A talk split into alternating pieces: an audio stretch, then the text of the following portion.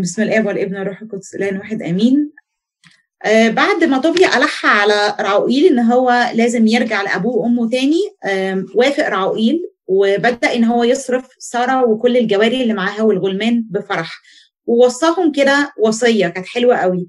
قال لهم إيه؟ ملاك الرب القدوس يكون في طريقكما ويبلغكما سالمان وتجدان كل شيء عند أبويكما بخير. وأقبل الوالدان على ابنتهما يقبلانها ثم صرفاها وأوصياها. عايزين بقى إيه؟ نسمع الوصايا دي. أنا المرة اللي فاتت ناديت الرجالة وقلت لهم اسمعوا واو وقربوا لي كده وشوفوا إزاي طوبيا الراجل بيعامل مراته طوبيا الأب الكبير بيعامل مراته وهي عمالة تعيط. إزاي هداها؟ وبكلمتين حلوين سكتت تماما وحست بالسلام الداخلي وبدأت إن هي تسمع كلامه وتخضع. فدلوقتي هم هيقولوا لها الوصايا بتاعت أي زوجة ودي الوصايا اللي بنسمعها برضو في طقس الاكليل آه قالوا لها إيه بقى؟ أوصاياها أن تكرم حمويها ماشي؟ أنا عارفة طبعا جوزفين جوزفين كلمتنا قبل كده عن رعوس. ويعني اتكلمنا عن علاقة الزوجة بالحما وشفنا كلمتنا في حاجات كتيرة جدا. فهنا بيؤكد بيؤكد بقى الحموين الاثنين يعني مش بس الحما لا الحما والراجل والست. فهم أول حاجة أوصاياها أن تكرم حمويها وتحب بعلها وتحب جوزها. وتدبر عيالها تهتم بولادها وتربيتهم وتحفظ نفسها غير ملومة. حلوة قوي وتحفظ نفسها غير ملومة. أنا نفسي يا جوزفين أسمع منك حاجة على تحفظ نفسها غير ملومة ديت. يعني يعني أعمل إيه؟ هي مش حكاية إن هي يعني أصل في ناس ممكن تتخيل طبعا دي وجهة نظري أنا ما دورتش فيها وما أعرفش طبعا التفسير الصحيح هيبقى ليها إيه فوجهة نظري إن هي تحفظ نفسها غير ملومة إن هي يعني بقدر الإمكان بتحاول ارضاء إن هي يعني إحنا زي ما كنا قلنا ساعة ست رأوس طبعا من ضمن الحاجات إن أنت تتوقعي الخير من الكل وبالتالي فأنت هيكون رد فعلك خير للكل. فاهماني؟ فلما هتتوقعي الخير للكل بيكون رد فعلك خير فبالتالي عمرك ما هتكوني ملومة لأنك أنت هتفرضي حسن النية فهتلاقي نفسك بتتعاملي حلو. فبالتالي عمرك ما هتكوني ملومة. صح. وفي حتة تانية برضو عايزة أضيفها على كلامك. كلامك صح 100% حتة تانية. تحفظ نفسها غير ملومة. ما تحطيش في مو... نفسك في موقف تتلامي عليه أو يؤخذ عليكي فيه. فدي يعني تجنبي المواقف المحرجة. يعني عارفة من شاف سلم؟ هو هو حلو كده. هو يعني إحنا طبعا نتجنب المواقف زي ما انت بتقولي. بس أحيانا زي بيحصل بتتحطي في مواقف. فباستمرار إن إحنا نفترض إن حسن النية نفترض الخير فيكون ردنا فعل آه لا ده ما يقصدش يعني نحاول ندي اعذار فيكون رد فعلنا إحنا كويس للي حوالينا فبالتالي نكون غير ملومين. بالظبط كده. فدلوقتي إحنا شفنا بقى يعني إيه الطقس كامل كده. شفنا كل حاجة. شفنا التسليم الأب بيسلم بنته من يدها اليمنى بيسلمها لعريسها. شفنا إن هم جهزوا لهم مخدع الرجل يترك أباه وأمه ويلتصق بامرأته. شفنا الوصايا الحلوة اللي وصوها لبنتهم. فكل الحاجات دي كلها إحنا بنشوفها في طقس الاكليل كل كل ما بنحضر إحنا حضرنا مرة. إحنا حضرنا إحنا اتحطينا في الموقف ده مرة. بس يعني أنا بقول إن كل مرة بنحضر أي فرح ونروح ونسمع بقى الوصايا كده أهوت بن إيه بنطرطق ودننا ونعيد الذكريات ونفتكر سنين فاتت مضت. لو كانت في حاجة صدت ولا حاجة اتنست بنفتكرها تاني. فالنهاردة مع سفر طوبيا بنفتكر كل الوصايا الحلوة اللي الست بت بتاخدها. وبرده الراجل بياخد وصايا له من الحب جانب برده بس النهارده يعني عايزة الستات تركز معايا أكتر.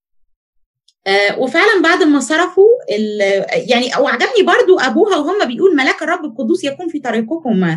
يعني ده برضو بيفكرني بأبو طوبيا لما ودعه وهو ماشي وقال له ملاك الرب القدوس يكون في طريقكما يعني بيقول لك إن التقوى والإيمان كانت واصلة عندهم لحد إن أي واحد بيروح حتة مش عارفها أو راجع حتة هو عارفها أو رايح أي طريق إن ملاك الرب هيكون معاه. فده يعني إيمان رهيب جدا. وحاسة كده إن كل شوية بسمعها من الناس.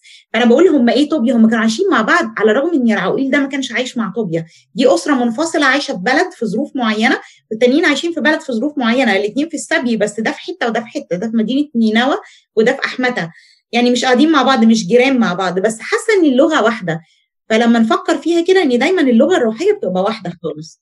فمهما يعني لو إحنا فكرنا فيها حتى إحنا في الخدمة as teamwork لما بنقرب قوي من ربنا وبيبقى فعلا لينا علاقة حية ما بيننا وما بين ربنا بنلاقي إن اللغة واحدة بنلاقي إن التفكير واحد بنلاقي إن الحاجات اللي بنتفق عليها بسهولة جدا بتحصل وربنا بيبارك فيها.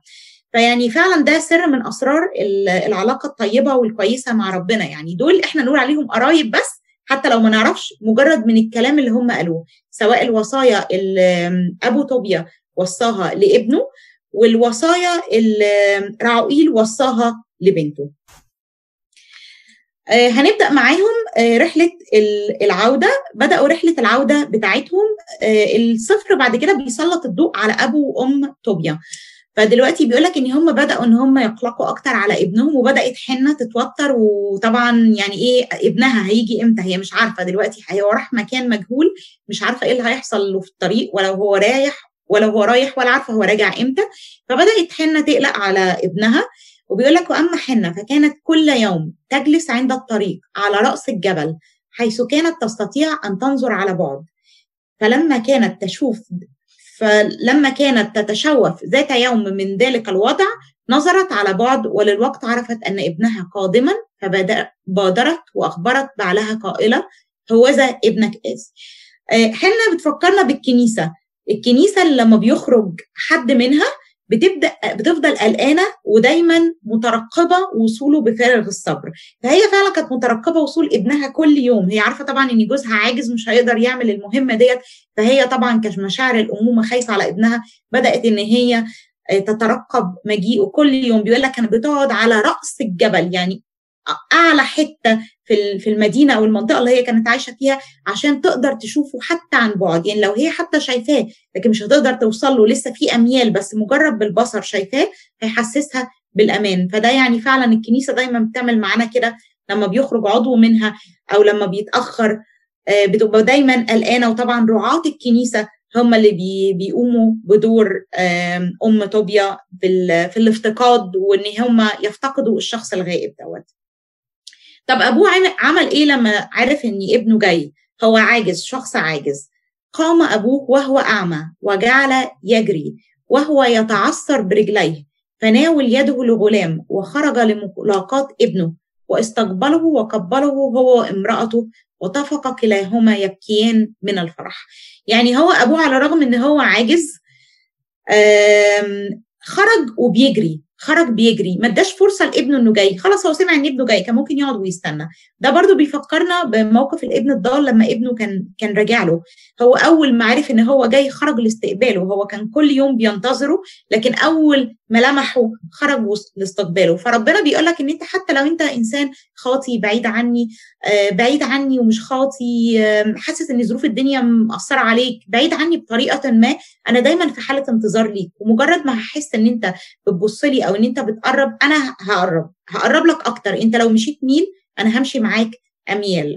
وكان فعلا في الط... يعني كان في الطريق بقى وطوبيا راجع أشار عليه الملاك وقال له آه تعالى إحنا نسبق ونسيب سارة والغلمان وال... وال... وال... وكل الغنائم أو الفلوس اللي معانا ديت هم يحصلونا. وقال له أنت كل اللي أنت محتاجه وأنت راجع دلوقتي إن أنت تاخد المرارة لأني هنستخدمها في الشفاء. ففعلا سمع طوبيا لوصية الملاك وسبق سارة وكان معاه المرارة وقال له أنت أول ما تشوف أبوك أول حاجة إن أنت لازم تعملها إن أنت تشكر وتسبح ربنا. فحتى وصية الملاك إن أنت ما تبقاش خلاص فرحان تروح لا أول حاجة لازم تروحها تشكر ربنا على نجاح المهمة والعودة من الرحلة بسلام. هو اهو المقولة اللي قالها قال رفائيل لطوبيا إذا دخلت بيتك فاسجد في اسجد في الحال للرب إلهك وأشكره ثم أدني من أبيك وقبله وأطل لساعتك عينيه بمرارة الحوت هذه التي معك وأعلم أنه للحين تنفتح عيناه ويرى أبوك ضوء السماء ويفرح برؤيتك. دي كانت الوصية الملك رفائيل وهم في الطريق وقال له على الستبس اللي هيعملها بالظبط أول ما يشوف أبوه. وفعلا بعد الأشواق والأحضان وصلاة الشكر اللي هم صلوها مع بعض طلع طوبيا بمرارة الحوت عين ابيه آه وفعلا بعد نص ساعة خرجت الغشاوة ونزلت قشور من عين الأب وبدأ إن هو يشوفه. وكان فرحان جدا بنجاح آه وعودة طوبيا ابنه وإن هو شافه بعد ما رجع. طبعا بتفكرنا الحدث دوت بيفكرنا بإيه؟ إيه سر من أسرار الكنيسة؟ إحنا قلنا هنفك أسرار دلوقتي، إحنا اتكلمنا عن أسرار المرة اللي فاتت، إحنا بدأنا عشان افكركم بدأنا أول سر من الأسرار خدناه اللي هو كان المعمودية لما شفنا السمكة اللي كانت في المية. تاني واني توبيا انتصر عليها مجرد ما هو عدى فهو انتصر عليها فديت كان رمز للمعمودية. بعد كده هو شفنا آه شفنا إيه تاني؟ حد شاف فاكر حاجة؟ فاكر حاجة بعد؟ سر الزيجة. قبل سر الزيجة. حاجة قبل سر الزيجة. قلناها. بعد المعمودية على طول بعد ما بنتعمد بنطلع نعمل إيه؟ تناول. نتناول بالظبط كده. هو أخذ من ال... من السمكه ديت كلوا منها. شووا وكلوا ملحوا مش ناسيين الفسيخ اللي, اللي عملوه. فسخوا خدوا فسيخ على الطريق. فهم بعد المعمودية كان المناولة وده كان إشارة للإفخارستية. فأول إشارة كانت المعموديه ثاني إشارة كانت الافخارستيه ثالث سر من الأسرار اتكلمنا عليه اللي هو سر الزيجه واتكلمنا عن تفاصيله. ده رابع سر من الأسرار النهارده هنتكلم عليها اللي هو سر إيه؟ مسحة المرضى. مسحة المرضى. بالظبط كده. وده فعلا سر من الأسرار اللي إحنا هنفكها النهارده سر مسحة المرضى. بيقال يعني في أقاويل كده بتقول طيب هو مرارة الحوت ديت تفتح عين أعمى؟ عايزة رد من الإنجيل. طب هو كمان في سؤال بقى؟ المسيح طلع بيه عينين المولود أعمى. برافو عليك يا طنط مذاكرة. بالظبط كده. هو يعني ما حدش يقول لي كده هوت يعني برضو هن هنقول هو سر مسحة المرضى هو الزيت الزيت اللي بيطلي دوت هو ده اللي بيشفي المريض ولا إيه اللي بيشفي المريض؟ هي ده رد علينا رد من الإنجيل. السيد المسيح لما فتح عين المولود أعمى استخدم الطين. هو الطين بيخلق عيون ده ده كان معجزة خلق مش بس إنارة. يعني يمكن طوبيا كان عنده عينين واستنار أما دي كانت معجزة خلق. فربنا بيقول لك إن هو الأسرار السر في التقوى والإيمان. السر في إيمانك أنت اللي هيخليك أنت تخف إيمانك. طبعا إحنا شفنا قد إيه طوبيا ده حياته مشيناها سلسلة كده من ال من ال من الحب والتقوى وال والقرب من ربنا والتمسك في ربنا والتمسك بالشريعة وبالوصايا. كان بينفذ كل حاجة زي ما بيقولوا كده بينفذ الوصايا بحذافيرها يعني. ما كانش بيفوت حاجة. فهو كان إيمانه في ربنا كبير على الرغم اللي يأكد لنا إن إيمانه ورجائه في ربنا كبير لما تعرض لل لل... لل... للإهانة من من زوجته ومن أقاربه. وده يعني ده زي بالظبط أيوب. شفنا قد إيه هو كان متمسك بربنا وما أنكرش إيمانه لآخر الوقت. فهو إيمانه قد شفاه.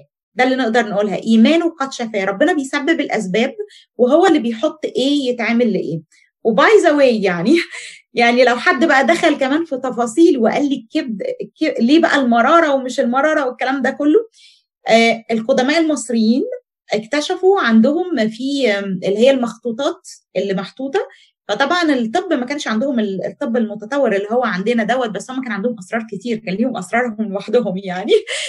فبيقول لك إن اكتشفوا مخطوطات ومن المخطوطات ديت إن هم كانوا بيستخدموا الحاجات زي الكبد والمرارة والحاجات دي كلها برضو لشفاء العيون. فدي كانت حاجة متعارف عليها في وقتها. فأنت لو جاي دلوقتي ما سمعتش عن حاجة زي كده وبتناقشني فيها هقول لك ارجع بزمن طوبيا. نقدر نقول كتابة الزمن 612 قبل الميلاد. كان يعني في الوقت ده. ارجع في الزمن ده وشوف الناس كانت بتتعالج إزاي. فهتقدر تعرف ان ده ممكن يكون سر من من الأسرار برضو من الناحية الطبية. بس إحنا بنتكلم من الناحية الروحية إيمانك قد شفاك. يبقى دلوقتي إحنا خدنا أربع أسرار لحد دلوقتي من أسرار الكنيسة وآخر سر اتكلمنا فيه دلوقتي اللي هو مسحه المرضى. أول ما فتح طوبيا قال حاجة قال طوبيا أباركك أيها الرب إله إسرائيل لأنك أدبتني وشفيتني وهأنذا أرى طوبيا. طوبيا. أدبتني وشفيتني. طوبيا شاف إن التجربة دي كانت للتأذيب للتأديب والتهذيب. يعني الشخص ده تقي جدا. إزاي محتاج لسه يتهذب تاني ولا يتنقى تاني؟ يعني لو رجعنا كده بالزمن ورا عارفين ترنيمه أيها الفخار الأعظم؟ طبعا إحنا سمعنا تأملات كتيرة جدا يعني من ضمن التاملات دي اللي لسه بترن في ودني كان تأمل بيتر اتكلم عنه وقال إزاي بتبدأ المراحل عشان يبقى الفخار يبقى جاهز كده يعني. عجبتني قوي كلمة إن بيتحط عشان يتعمل الطين ده إيه اللي بيحصل؟ المية لازم تختلط بالتراب يعني لازم تتطين بال expression كده.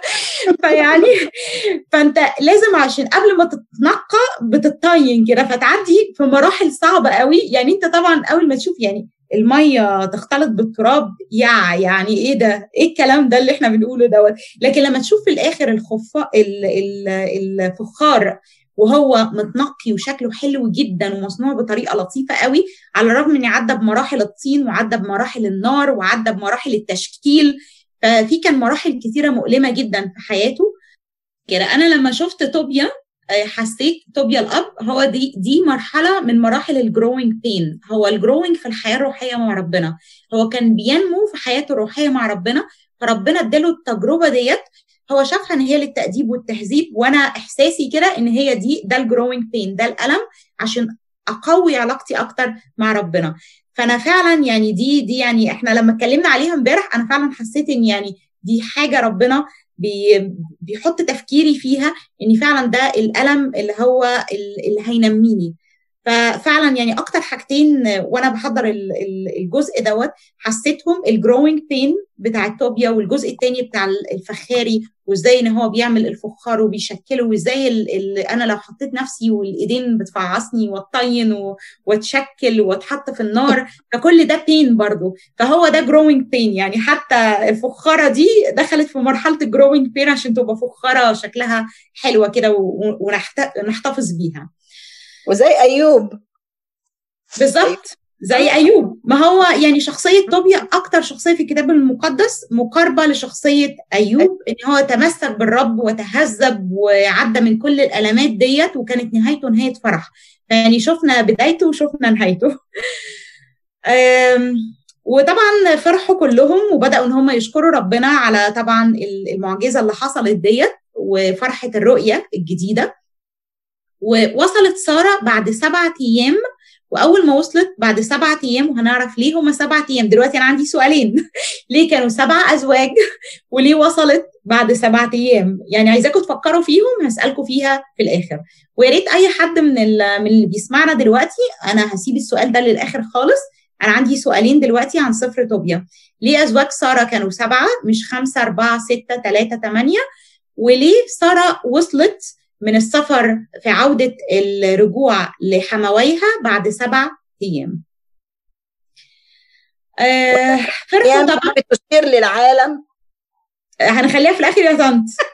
فكري فيها هنخليها للآخر عشان ندي فرصة للناس التانية كمان. بس أنا عارفة يا طنط إن أنت هتقوليها 100% يعني.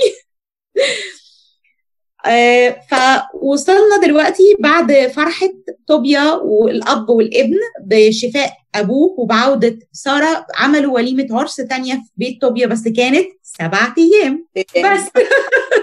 يعني هو صفر السبعات النهاردة. النهاردة سبعات كلها سبعات. فعملوا الوليمة لمدة سبعة أيام. دخل طوبيا الابن في حوار مع أبوه قال له يا ترى إحنا نكافئ الشخص اللي كان معانا الشخص اللي اصطحبني الرحلة دي كلها نكافئه بإيه؟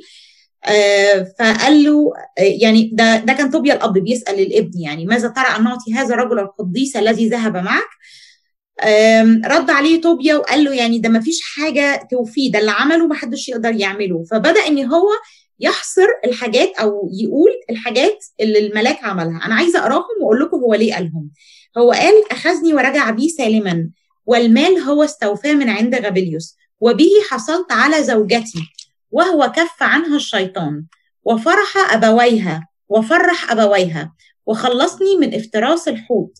وإياك أيضا هو جعلك تبصر نور السماء وبه غمرنا بكل خير. فماذا عسى أن نعطيه مما يكون موازيا لهذه؟ لكني أسألك يا أبت أن تسأله هل يرضى أن يأخذ النصف من كل ما جئنا به؟ يعني هو دلوقتي قاعد يقول إيه اللي حصل له في رحلة السفر والملاك عمل معاه إيه؟ النقطة دي أنا عايزة كده إن إحنا نحطها. هو كان فرحان وقال ربنا عمل معاه إيه بالفرح؟ أنا عايزة أحط النقطة دي في حتة تانية. أنا دلوقتي لو زعلانة أو متضايقة أو عندي مشكلة ما أكيد في حاجات كتيرة جدا حصلت في حياتي وربنا وقف معايا فيها وعديت فيها وخرجت منها. فياريت نقعد كده زي ما إحنا وإحنا فرحانين نقول أشكرك يا رب على واحد اتنين تلاتة أربعة زي ما توبيا شكر كل على كل الحاجات اللي هي اتعملت معاه عايزين نقعد نشكر ربنا على كل الحاجات اللي إحنا ممكن نكون حاسين انها من حقنا زي البصر نعمة البصر. هو توبيا ما كانش حاسس بنعمة البصر غير لما فقد نعمة البصر وحس إن هو فقد شيء. فياريت كده ان إحنا دايما نذكر محاسن الرب معانا سواء في الفرح أو في الحزن. ونتخذ كده طوبيا الابن دوت آه يعني كده إيه يعني آه قدوة لينا. لأن ممكن واحد تاني خلاص فرح وخلص الموضوع وخلص جدا. يعني ساعات كتير بناخد الحاجة من ربنا وبنفرح وبننسى نشكره وبنمشي خلاص ونبقى فرحانين. لكن هو رجع وشكر ربنا. أنا بالنسبة لي هو خد حاجات كتيرة جدا حلوة من ربنا. وفرح بيها ووقف شكر ربنا عليها وبدأ إن هو يحصدهم ويقولهم ويقولهم بصوت عالي كده أشكرك يا رب على واحد اتنين تلاتة أربعة. يا ريت نعمل كده في كل فرحنا وفي كل حزننا. وده يبقى تاني درس بقى أو ده يعني درس ناخده من طوبيا الابن. إحنا بناخد دلوقتي دروس من طوبيا الأب وبناخد دروس من طوبيا الابن. فده درس حلو قوي نتعلمه في حياتنا وإحنا بنصلي ونشكر ربنا من طوبيا الابن. آه فنادوا الملاك رفائيل وبدأوا إن هم يعرضوا عليه إن هم ياخدوا إن هو ياخد نصف ما يملكه. وبرده أنا شفت كرم أخلاق قوي من طوبيا يعني حاجة تانية الكرم. يعني هو دلوقتي خد آه خد فلوس كتير جدا. هو استرد له فلوس غابيليوس وخد نص ما يملك من آه راوئيل أول حاجة فكر فيها كان ممكن يقول إن هو ده أجير عندي خلاص يعني حق الأجرة ياخدها. لكن هو قرر إن هو يديله نص ما يملك ده كأنه بيوزع يعني ده بقى واحد من من بيته وبيوزع عليه الحاجات ديت.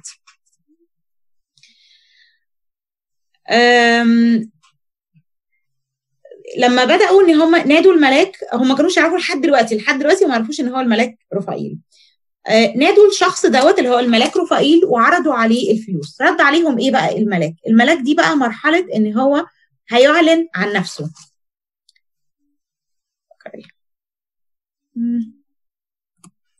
فحينئذ خطبهما سرا وقال بارك بارك إله السماء وأعترف له أمام جميع الأحياء لما أتاكما من مراحمه.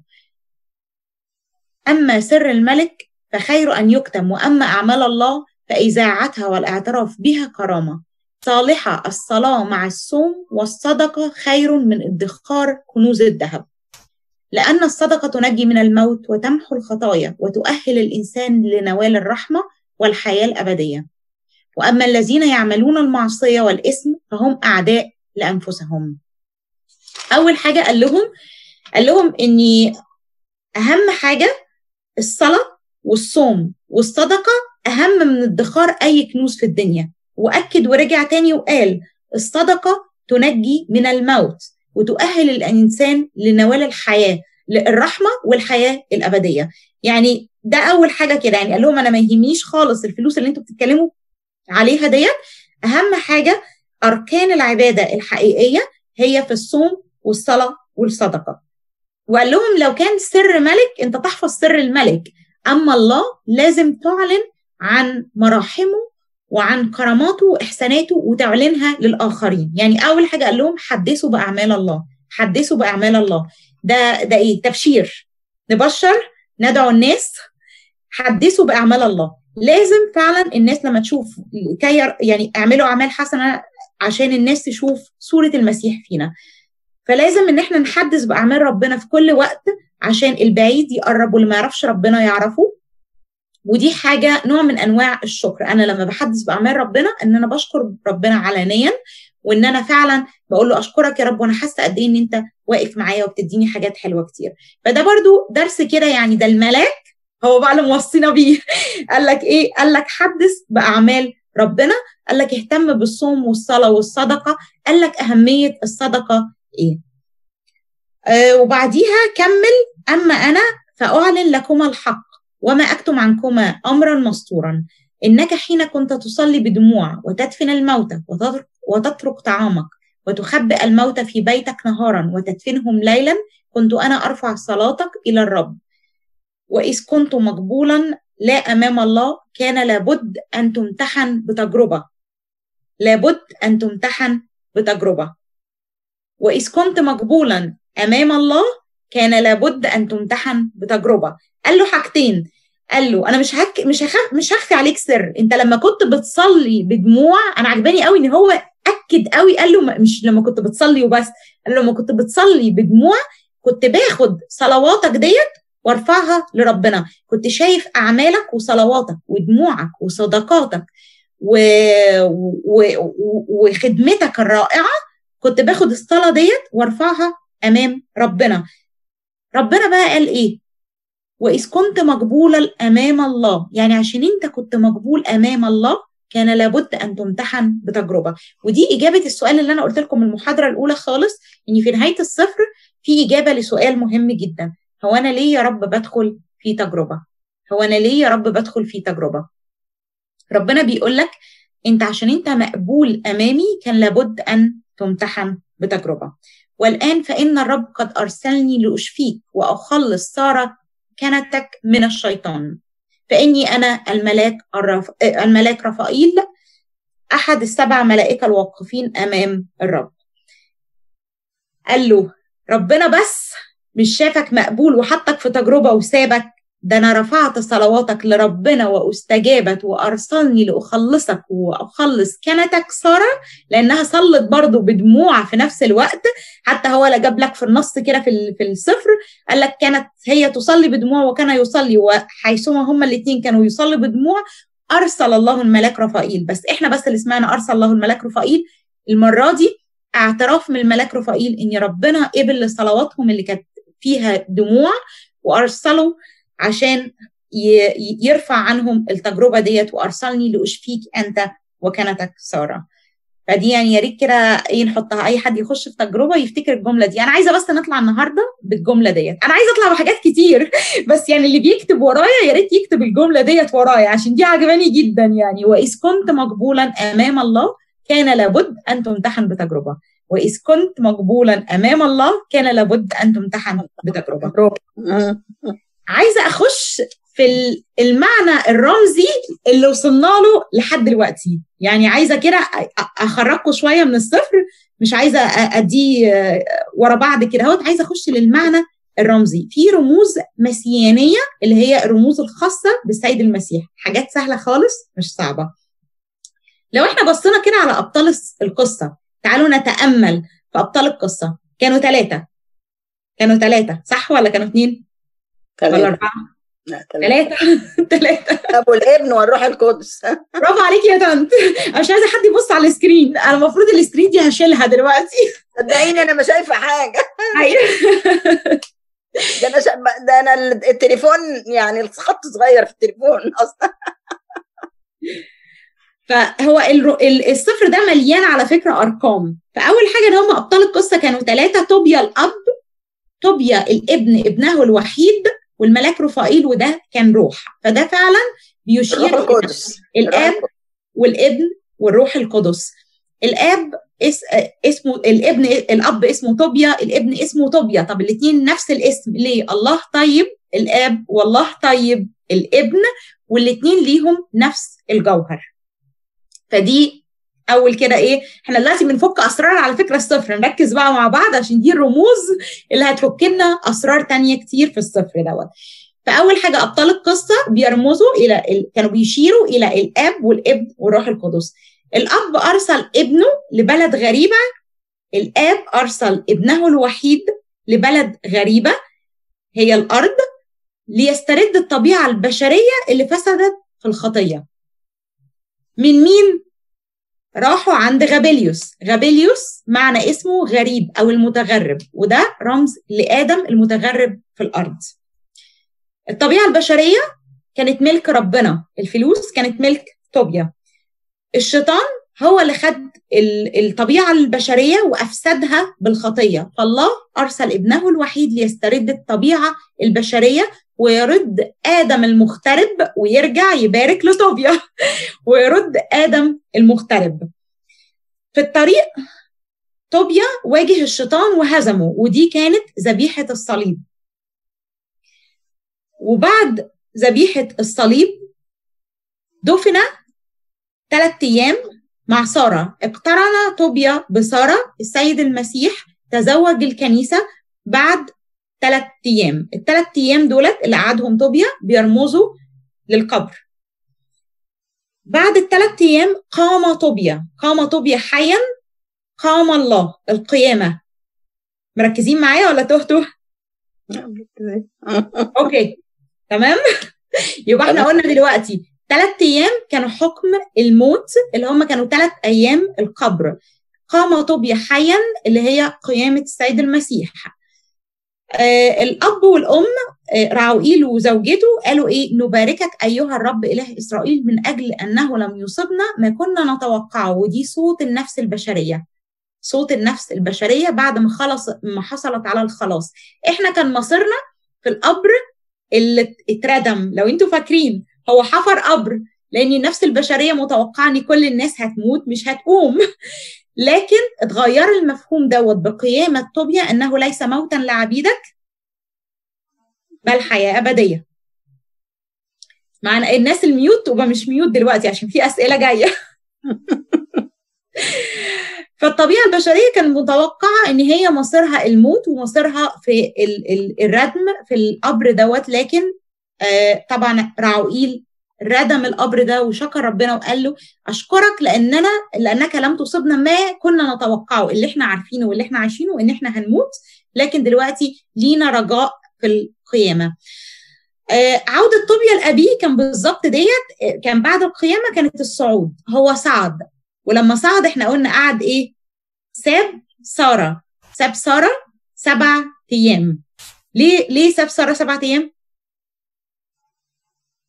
حد عنده أي غش طيب مفيش خالص.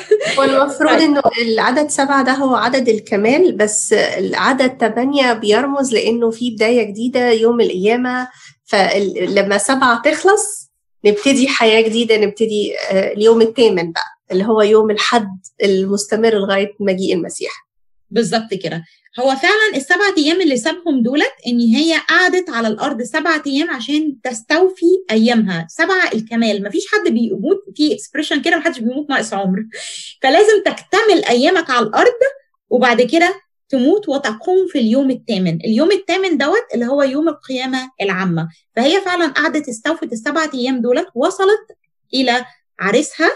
زي ما كلنا هنوصل للعريس السماوي بعد سبعة أيام بعد ما نستكفي أيامنا مع الأرض وهندخل معاه في العهد الأبدي في اليوم الثامن. حتى أكيد هي لما وصلت اليوم السابع بدأ الاحتفال الوليمة بدأت في بيت الأب في اليوم الثامن وقلنا بدأت الثامن اللي هي في الحياة الأبدية وكانت سبعة اللي هم الكمال. يعني هتبقى حياة كاملة أبدية وده الرمز بتاعها. فإن إحنا هنعيش في حياة أبدية كاملة بس لازم نستوفي أيامنا على الأرض ويعني كل واحد بقى انظروا إلى نهاية سيرتهم وتمثلوا بإيمانهم. كل واحد يقعد كده قعدة حساب مع النفس. ما نعرفش اللي إحنا دلوقتي في اليوم الخامس ولا السادس ولا أصلا اليوم السابع هيجي إمتى. يعني في ناس كده بتروح وبنسمع عن ناس شباب كتير جدا خصوصا في الأيام ديت بتروح كده وإحنا بنبقى حاسين إن هم لسه في اليوم الأول واليوم الثاني وهم صغيرين. لكن بيكونوا هم فعلا أتموا السبعة أيام على الأرض بس ربنا هو وحده هو اللي عارف الأيام والأزمان والأوقات. فيا كل واحد إيه يعمل على خلاصه وخلاص أسرته وخلاص نفسه وخلاص كمان اللي حواليه. وتكون خدمته زي خدمة طوبيا الأب وطوبيا الابن كمان. أنا هرجع لسؤالي بقى يا طنط منيرة. رمين ممكن تعمل لنا check حد رد على سؤال ليه أزواجها كانوا سبعة؟ okay اتفضلي يا طنط منيرة كان ليكي تأمل؟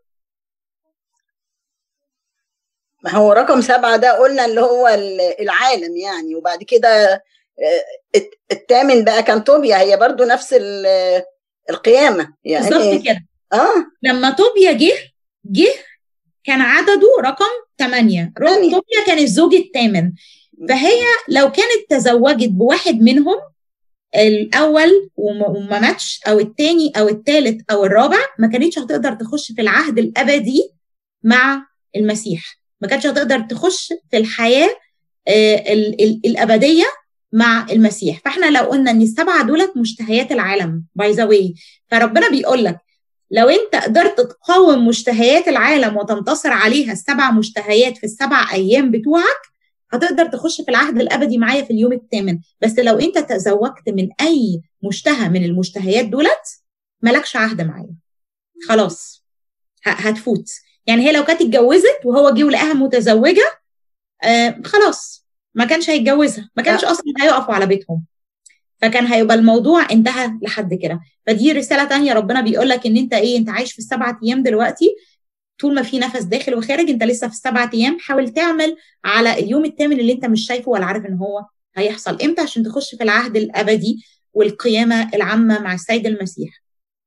في الحياة الأبدية وتبدأ فعلا الوليمة الدائمة في الأبدية. by the way سارة uh, معناها أميرة. اسم سارة يعني أميرة. فالملك تزوج الأميرة. فدي يعني فعلا من الرموز الحلوة قوي. أنا بالنسبة لي كنت مستنية صفر طوبيا عشان أوصل بس للرموز بتاعته. يعني أنا فعلا من من أجمل الحاجات في دراسة صفر طوبيا وأنا بفك أسراره إن رموزه كانت في منتهى الروعة. بتحسسني بدي حياتي وحياتك وحياتنا كلنا. فيعني دوت ده من قبل الميلاد. من قبل كل حاجة من قبل من قبل التجسد من قبل الفداء من قبل الصليب ومن قبل القيامه ومن قبل أي حاجة خالص يعني.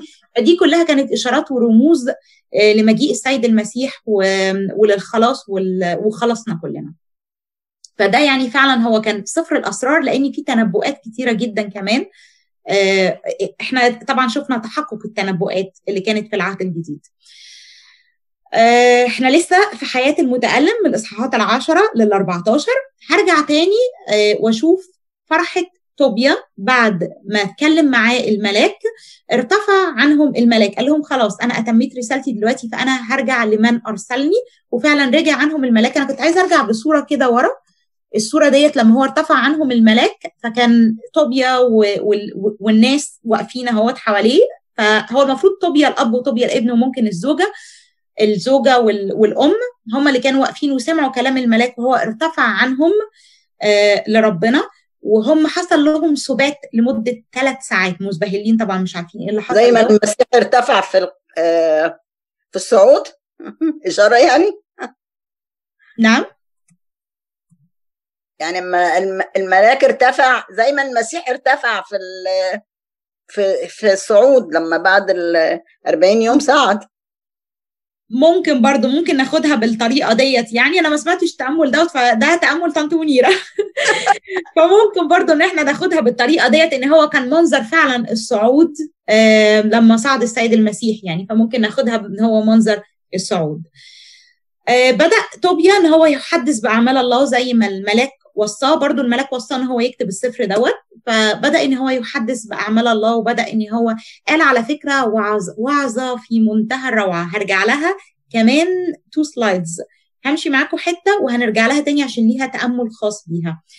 آه وهو بعد ما قال الوعظة ديت وكان فرحان جدا بأعمال ربنا وحدث الناس كلها وخرج يحدث الناس بأعمال ربنا. الناس طبعا اتفاجئوا لما شافوه إن هو خارج وشايف وبيشوف يعني. فكان بالنسبة لهم منظر مفرح جدا. حدث بأعمال ربنا. وكمان تنبأ عن خراب نينوى وتنبأ عن العودة من السبي وبناء الهيكل وتنبأ عن العهد الجديد. فطبعا يعني دي من من من الحاجات الحلوة في طوبيا إن هو كمان آه تنبأ عن حاجات كتير. آه عاش طوبيا 42 سنة عاش طوبيا 42 سنة بعد التجربة. كانت كل أيام طوبيا 102 لما فقد بصره كان عنده 56 سنة والتجربة قعدت لمدة أربع سنين وعاد له بصره وهو عنده 60 سنة. مجمل أيام طوبيا 102 سنة طوبيا الأب عاش بعد التجربة 42 سنة واستمرت التجربة أربع سنين. أول ما حس إن أيامه اقتربت بدأ إن هو يوصي ابنه ويوصي بنيه وكان في الوقت ده طوبيا الابن كان عنده سبع أبناء ووصاهم على تقوى ربنا وحرق برضو قال لهم يحرصوا برضو على الصوم والصلاة واولموست نفس الوصايا اللي وصاها لابنه قبل كده هو توصاها لابنه تاني يفكروا بيها وب... وب... وبأحفاده ولأحفاده وبيقول لك وإذا بلغ من تقوى الله غاية حسنة انتقل بسلام دفن بكرامة في ودفن بكرامة في نينوى. يعني هو بيقول لك هو ما ماتش غير بعد إيه؟ بعد ما بلغ من تقوى الله غاية حسنة. يعني وصل لأحسن درجات العلاقة ما بينه وما بين ربنا فربنا خده بسلام. لأن هو كان إنسان تقي. ربنا يجعل كده أيامنا وختامتنا ونهايتنا زي نهاية كده إيه؟ طوبيا الأب. آه ووصى برضو ابنه وقال له إن أنت لازم تسيب نينوى يعني أنت ادفني وبعد ما أمك برضو تنتقل ادفنها جنبي بعد ما تدفننا بسلام لازم تسيب نينوى لأن هو كان متنبئ بخراب نينوى فوصى إنه لازم يسيب نينوى ويسيب الشر اللي كان في نينوى في الوقت دوت. فعلا طوبيا بعد ما ماتت أمه ورحلت عن العالم رجع قبل خراب نينوى ورجع عاش مع حماويه في احمته وعاش 99 سنة بيقول لك في مخافة الله. حلو قوي في مخافة الله. إيه ده؟ ده الأب وابنه؟ يعني الأب عاش لحد ما وصل غاية من التقوى الحسنة عند ربنا والابن عاش 99 سنة في مخافة الله. في جملة كده حلوة قوي بتقول وبعد أن استوفى 99 سنة في مخافة الرب هو قال له إيه؟ أول وصية خالص قال له إيه؟ خلي ربنا مخافة ربنا في قلبك ولما قال له إن هي فعلا جوز ابن بنتك لطوبيا عشان هو يخاف الرب فهو بيأكدها وبيقول لك إن هو عاش 99 سنة في مخافة الرب دفن بفرح ولبس كل ذوي قرابته وجميع أعقابه في عيشة صالحة وسيرة مقدسة وكانوا مرضيين لدى الله والناس وجميع سكان الأرض. ده بقى كانت الختمة الحلوة بتاعته. ده مش قال لك طوبيا الأب وطوبيا الابن ده قال لك كمان ذوي قرابته كل قرابته وجميع أعقابه كل قرايبه كل كل الناس اللي حواليه عاشوا في عيشة صالحة وسيرة مقدسة. يعني كان ليهم سيرة مقدسة وكانوا مرضيين مرضيين أمام الله وأمام الناس وجميع سكان الأرض. يعني لن يؤخذ عليهم شيء حتى في العالم مش بس أمام ربنا. فيعني ده فعلا يعني حاجة حلوة قوي إن هو سيرته مش بس مجرد إن هو طوبيا الأب وطوبيا الابن لا ده كمان جاب لك إن قرايبه عملوا أو كانت حياتهم شكلها عاملة إزاي. هنخش في الدروس المستفادة من الصفر دلوقتي. إحنا قلنا إحنا دلوقتي خلصنا التأملات على الصفر كله. آه هنخش كده بسرعة جدا مش هنطول عليكم. الدروس اللي, اللي إحنا استفدناها من الصفر دوت. أول حاجة طبعا أول درس العشر وصايا. أنا هخليكم أنتوا ترجعوا تاني وتقروهم. العشر وصايا اللي وصاهم في الإصحاح اي بليف الثالث أو الرابع. طوبيا الأب لطوبيا ابنه. لطوبيا الابن. أكتر حاجة ركز عليها ركز على الصدقة. تصدق من مالك ولا تحول وجهك عن فقير لأن الصدقة تنجي من الموت. ولقينا الملاك رفائيل بيديهم نفس الوصية تاني وبيقول له بيحرص على الصدقة لأن الصدقة تنجي من الموت. وهي دي اللي هتؤهلك للحياة الأبدية. فأهم حاجة لازم نطلع منها يعني هو مش أهم حاجة كل حاجة مهمة جدا بس يعني أنا شايفة إن الصدقة إن الملاك رفائيل اتكلم عليها بنفسه كمان يعني. آه تاني نقطة محبة الخير للناس. قال له كل اللي ما تكرهه أن يفعله غيرك به لا تفعله أنت بالآخرين. فلازم نحب الخير للناس زي ما بنحبه لنفسنا زي ما نحب إن هم يعاملونا كويس لازم نعاملهم كويس نبادر إحنا بالخير. وزي ما جوزفين قالت كده إيه يبقى نوايا النوايا الحسنة عندنا. فأكيد لما أنا هبادر بالخير وأبقى كويسة أكيد إن ربنا مش هيرد الخير دوت شر وأكيد هيجي لي نفس النية أو المعاملة الحسنة اللي بعمل بيها الآخرين. اتكلمنا عن قدسية الزواج وقلنا إن الجواز ده ما كانش للجسد بل من أجل الحياة الطوبويه لبره. وطنط منيرة ركزت وقالت إن هم فعلا بدأوا بالصوم والصلاة مع بعض وتاني يوم إن هم يتمثلوا بالقديسين وتالي يوم يقترنوا آه ويبقى عندهم أولاد يعني وتبدأ السلالة والنسل. فهي الحاجة بقى الشهوانية ديت دي مش بتاعتنا خالص. إحنا بنتجوز مش من أجل الجسد بل من أجل الحياة الطوبويه البره ويا ريت كل اتنين مقبلين على الزواج دلوقتي نشجعهم يعملوا ثلاث أيام طوبيا عشان لما نسمع ثلاث أيام طوبيا ده صوم وصلاة لمدة ثلاث أيام. تقديس سر الزيجة. نقدس سر الزيجة إزاي؟ كان من الوصايا اللي وصاها طوبيا الأب للابن قال له احفظ نفسك من كل زنا ولا تتجاوز زوجتك. فارق كل زوج إن هو يحفظ نفسه من كل زنا الزنا يبدأ من الفكرة مش الزنا بالفعل لا يبدأ بالفكرة قبل الفعل. احفظ نفسك من كل زنا ولا تتجاوز زوجتك وتكون كده إيه طيوب كده وحليم معاها ولما تعيط لك تحاول إن أنت تكلم هير يعني ما ما, تزودهاش زيادة. آخر نقطة أو النقطة اللي قبل الأخيرة شفنا بركات التجربة. طوبيا قال إن هي كانت للتهذيب والتأديب وإحنا عارفين إن التجربة بتنشئ صبرا. احسبوه كل فرح يا إخواتي حينما تقعون في تجارب متنوعة. برضو من الوصايا الحلوة اللي وصاها له قال له بارك الله في كل حين استرشدوا لتقويم سبيلك. يعني خلي دايما ربنا في قلبك بارك ربنا على طول سبحه وصلي له. ليه بقى؟ عشان يقوم سبلك. يعني يقوم يعني هو معوج وحاجة بتبقى مستقيمة. فإرشادات ربنا ليك الإرشادات اللي هيرشدها لك هي اللي هتقوم طرقك وهتعدل الطريق ليك وتقدر تكمل في حياة روحية حلوة مع ربنا. آخر نقطة هنتكلم فيها صفات الله. صفات الله دي هنلاقيها في نقط كتيرة جدا هتطلع لنا. من من ضمن الوصايا اللي وصاها طوبيا الأب لطوبيا الابن قال له أنت فليكن الله في قلبك جميع أيام حياتك واحذر أن ترضى بالخطيئة وتتعدى وصايا الرب إلهنا. تتعدى وصايا الرب. يعني أول حاجة من صفات الله الله هو واضع الناموس والوصايا. الله هو واضع الناموس والوصايا. قال رعوئيل لا أشك أن الله قد تقبل صلواتي ودموعي تاني صفة من صفات الله الله يقبل الصلوات والدموع. مفيش إنسان بيخرج أبدا من قدام ربنا فارغ أبدا مهما كانت مشكلتك مجرد أن أنت تسلمها وتخش في في صلاة مع ربنا بدموع ربنا مش هيخرجك أبدا فارغ. آه ممكن المشكلة مش هتتحل في ساعتها مش هيبعت الملائكة ينزلوا بس كفاية السلام الداخلي اللي هيجي لك هيديك حاجة هتملاك من جوه. الحاجة دي انت هتحسها كل واحد هيبقى اختبار شخصي ليه. حاجتي غير حاجتك غير حاجة جوزفين غير حاجة طنط منيرة غير حاجة إرمين. كل واحد له احتياج معين ربنا بيسده بطريقته. بس اللي إحنا واثقين فيه إن الصلوات المقبولة عند ربنا هي الصلوات الحارة اللي طالعة بدموع وربنا بيقبل الصلوات ديت. أنت قد رحمت الوحيدين فأجعلهما يا رب يباركانك. أتم بركة أتم بركة ويقدمان لك قربان تسبيحك وعافيتهما حتى تعلم الأمم كافة أنك أنت الإله الواحد في الأرض كلها. دي كانت الدعوة اللي دعاها رعويل لبنته هو ومراته. فالثالث صفة من صفات الله الله الواحد. لكي تعرف أو تعلم كل الأمم أن أنت الإله الواحد في الأرض كلها. دي كانت ثالث صفة من صفات الله. آه الصلاة الجاية دي كانت من طوبيا الأب. قال أيها الرب إله أبائنا ده بعد ما فتح وبدأ إن هو يتكلم عن إحنا قلنا إن هو قال وعظة جميلة جدا. هي دي بداية الوعظة اللي اتكلم فيها. قال أيها الرب إله أبائنا لتباركك السماوات والأرض والبحر والينابيع والأنهار وجميع خلائقك التي فيها أنت جبلت آدم من تراب الأرض وأتيته وأتيت حواء عونا. الله الخالق. الله الخالق. النقطة اللي بعدها برضو من من من وعظة طوبيا الأب.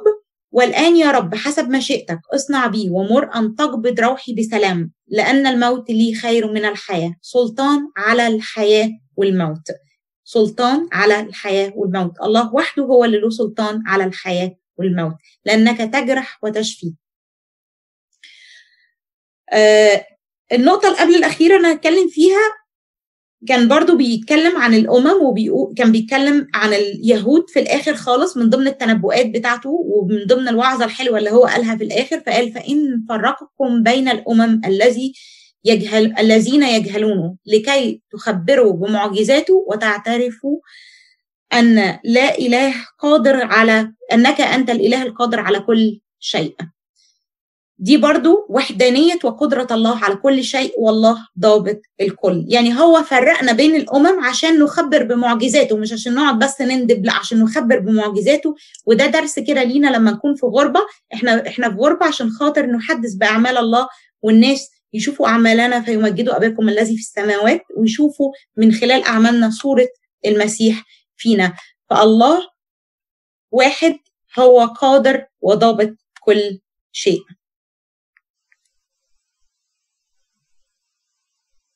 النقطة اللي بعدها انظروا الآن ما ما صنع الله لنا. بيقول لهم انظروا ما صنع الله لنا واعترفوا له بخوف ورعدة ومجدوا ملك الدهور بأعمالكم. أما أنا ففي أرض جلائي أعترف له لأنه أظهر جلاله في أمة خاطئة. آخر صفة من صفات الله جلال الله وقوة أعماله ودي آخر حاجة شهدها طوبيا في الوعظة بتاعته وهو بيحدث بأعمال الله وقال إني شوفوا ربنا عمل لنا إيه اعترفوا له بخوف ورعدة. هو دوت ملك الدهور هو دوت اللي, اللي, اللي أظهر أعماله وجلاله في أمة خاطئة لأن هو اعترف الأول إن إحنا اللي بعدنا عن ربنا وإحنا اللي أخطأنا مش ربنا هو اللي بعد عننا. آخر حاجة والأخيرة أنا قلت لكم إن دي اللي فاتت كانت الأخيرة بس أنا يعني إيه يعني عايزة أفك حاجات كده صغيرة. كان في اعتراضات كثيره جدا حصلت على الصفر هنتكلم فيهم بسرعة جدا. مش يعني ماكسيموم 5 minutes.